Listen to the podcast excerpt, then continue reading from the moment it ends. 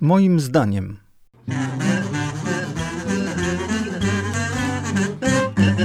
Wielokrotnie złożonym.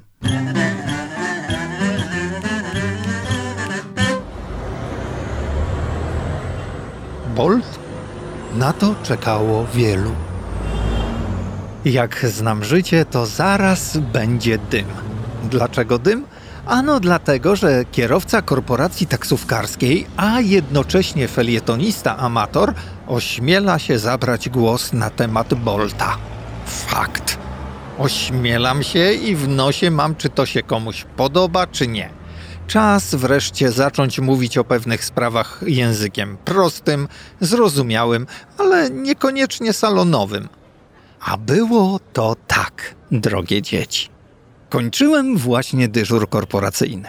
Ustanawia się je po to, aby klient przywiązany do danej korporacji był pewien, że o każdej porze może liczyć na taksówkę, czyli ktoś nie śpi, żeby jeździć mógł ktoś, czy jakoś tak to było.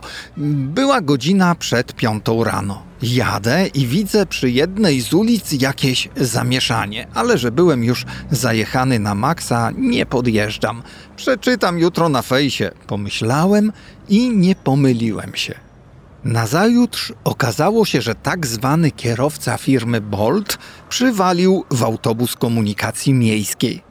No cóż, myślę, zdarza się każdemu, licencjonowanemu taksówkarzowi również. Stłuczki wpisane są w ryzyko tego zawodu, dlatego my, sałaciarze, płacimy dużo większe ubezpieczenia. My, nie Bolt. Bolt zwyżki OC i AC ma w dupie. Dziwne, ale jakoś nie słyszałem, żeby firma ubezpieczeniowa domagała się od tak zwanych kierowców Bolta podwyższonych opłat. Dlaczego? Nie wiem. Pewnie są znakomitymi driverami i nie powodują wypadków, no ale rzeczywistość trochę temu przeczy, co widziałem już wielokrotnie na własne oczy. Zastanowiło mnie tylko, co robił na miejscu tej stłuczki drugi samochód Bolta. Przyjechał pocieszyć kolegę, obronić przed agresywnym kierowcą autobusu? Agresywny kierowca autobusu to ostatnio modny wakacyjny temat.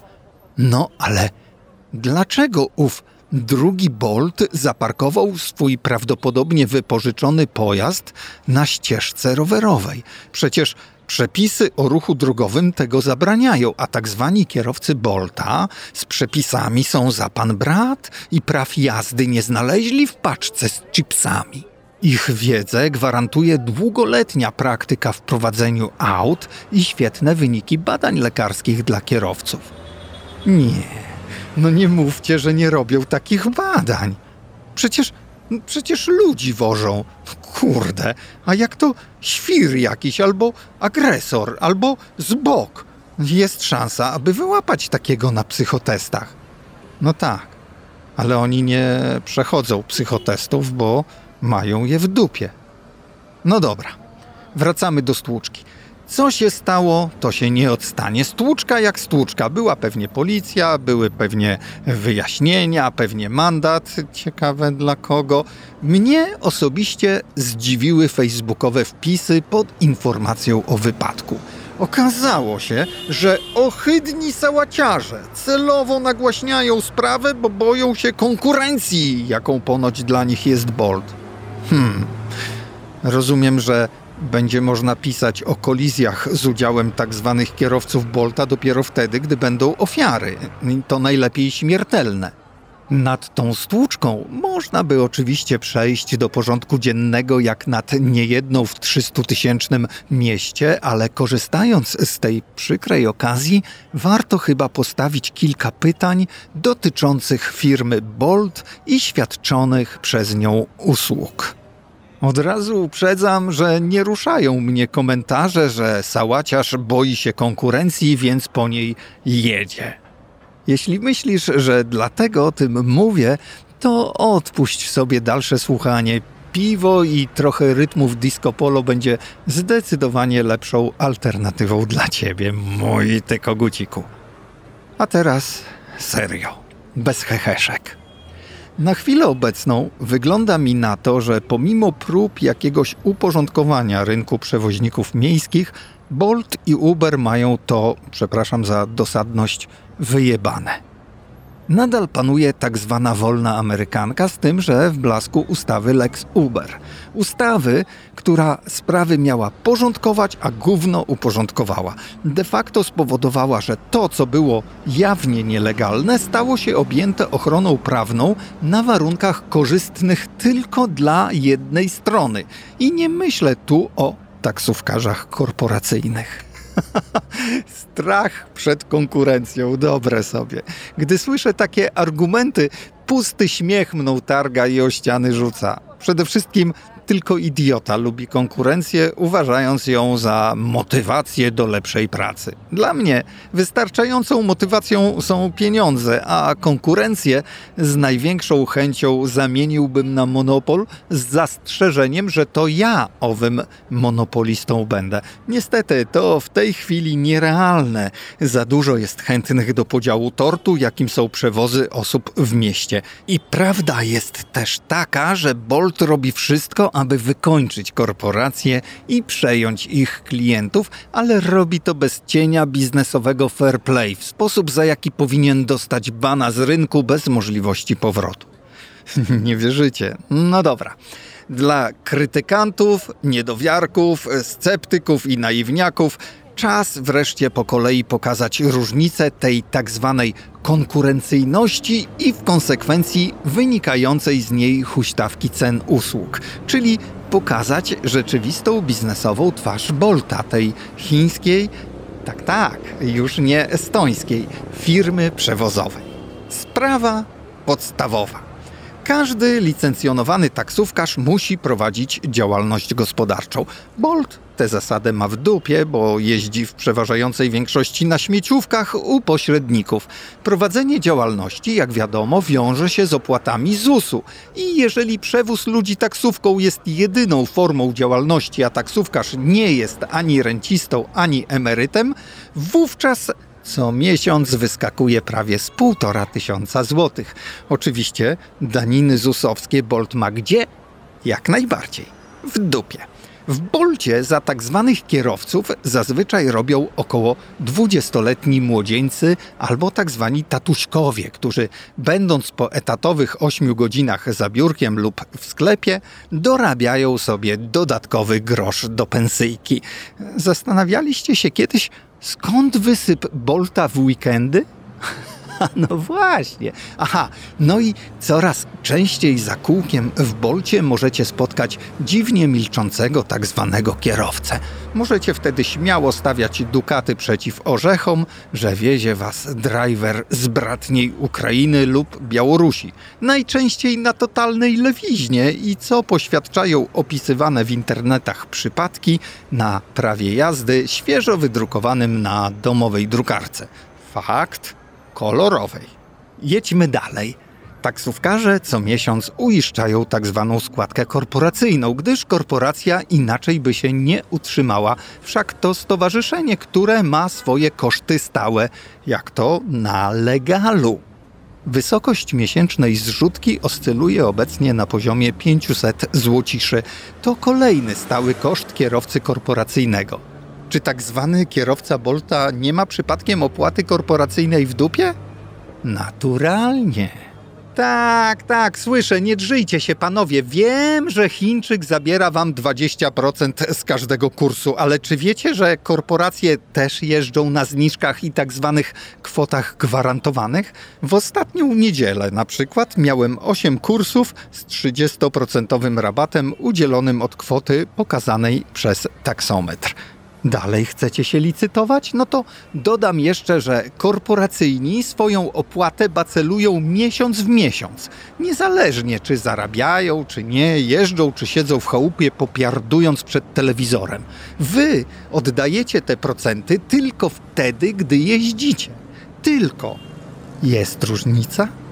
Czy to wszystkie opłaty stałe, jakie miesiąc w miesiąc płacą korporacyjni? Oczywiście, że nie. Nie zapominajmy o podatkach. Taksówkarze je odprowadzają. W odróżnieniu od Boltów, bo wiadomo, Bolt podatki też ma w dupie.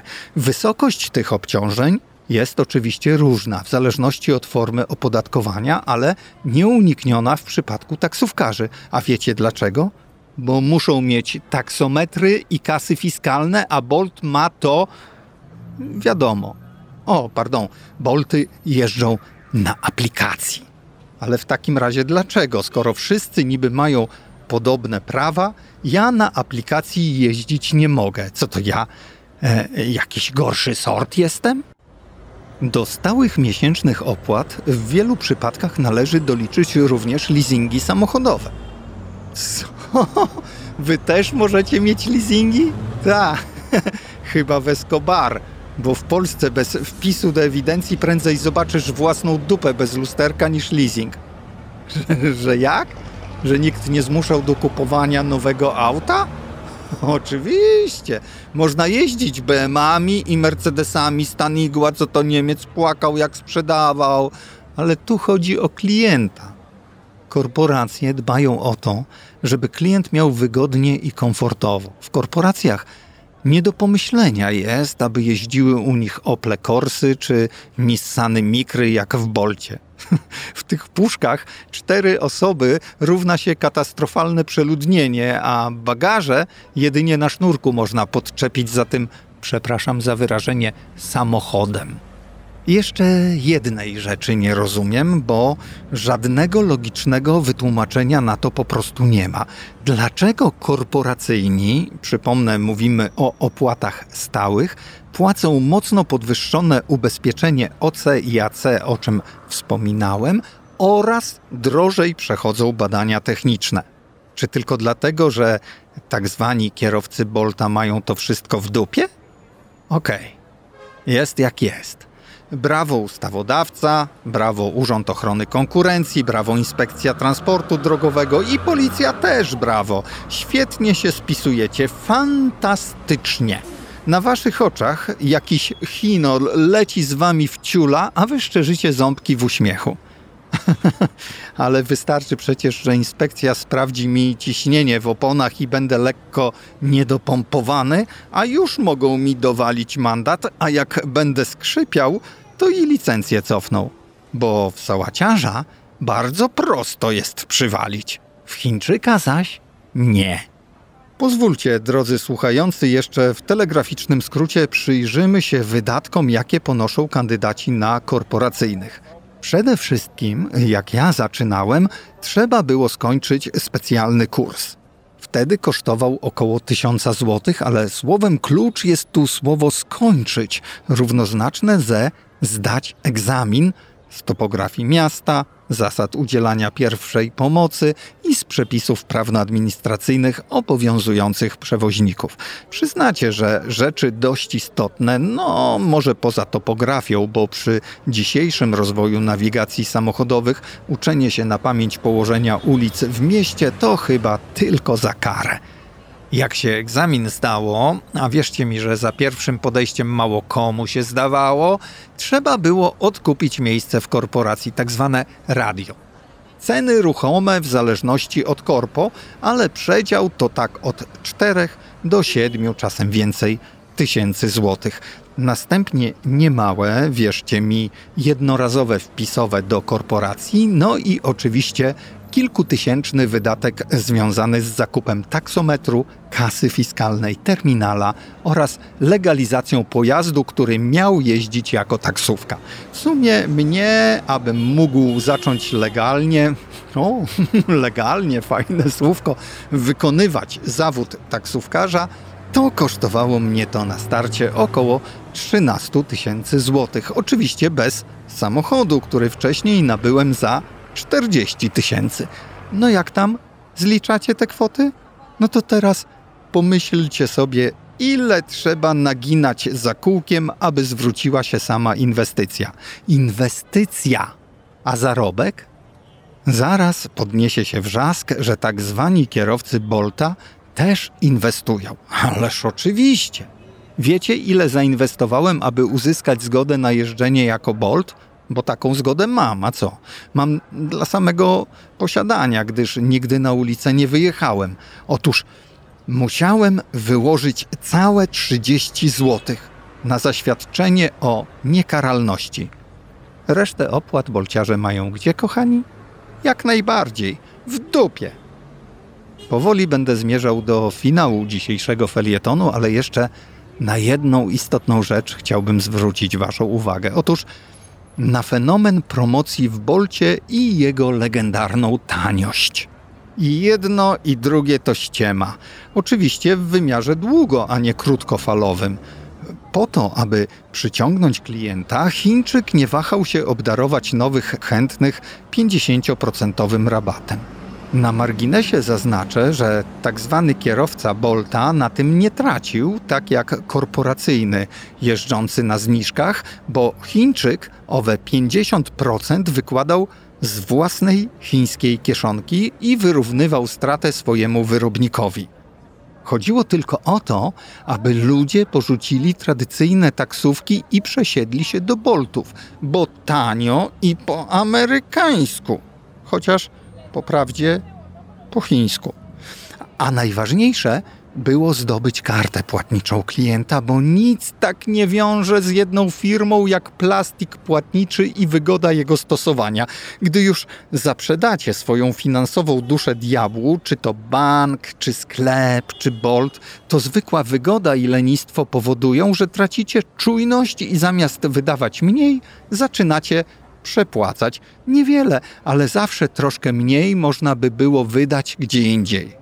Mówię o tym z pełnym przekonaniem i pewnością siebie, gdyż niejednokrotnie porównywałem ceny przejazdów na tej samej trasie w Bolcie i w mojej korporacji. Wierzcie mi, bardzo często Bolt robi was w trąbę. Ale wy chyba to lubicie, bo jeździć Boltem jest cool i trendy, a nie tam podróże z jakimiś wąsatymi Januszami. Na szczęście w moim rodzinnym mieście ludzie potrafią nieźle liczyć i dbają o swoje bezpieczeństwo. I tylko dlatego do tej pory korporacje nie upadły i nie podejrzewam, aby upadły, bo gdyby tak się stało, to Chińczyk już jako monopolista na rynku przewozowym ustaliłby takie stawki za kursy, że popłakalibyście się z powodów wyrzutów sumienia, że przyczyniliście się do tego przez własną pazerność i brak minimalnego chociaż gospodarczego patriotyzmu. Fajnie by było czuć, że doprowadziło się do upadku wiele jednoosobowych legalnych firm. Polskich, kurwa, nie chińskich. I już na samo zakończenie pozwólcie wyjaśnienie wielokrotnego użycia przeze mnie pięknego staropolskiego słowa dupa i rozszyfrowanie tytułu dzisiejszego felietonu, który przypomnę brzmi Bolt na to czekało wielu. Zapewne część słuchających opacznie zrozumiała, że Bolt jest tym, na co wielu klientów czekało. Otóż nie. Tytuł odnosi się do zapowiadanej w marketingu szeptanym mega zaskakującej promocji, która niebawem ma się pojawić w boltówkach. Ponoć tak zwani kierowcy po każdym zakończonym kursie ze zwiększonym przelicznikiem będą klientowi wręczali bezpłatną tubkę wazeliny. Po co? Po to, by przy następnym zamówieniu Bolta ów klient mógł ją sobie wsmarować gdzie? Oczywiście, dokładnie. Wtedy nie będzie tak go bolało, gdy po raz kolejny zostanie z premedytacją i po chińsku wydymany. Szerokiej drogi, kochani. Ten podcast sponsorowany jest przez autora. Z prostego powodu. Nikt inny się nie zgłosił.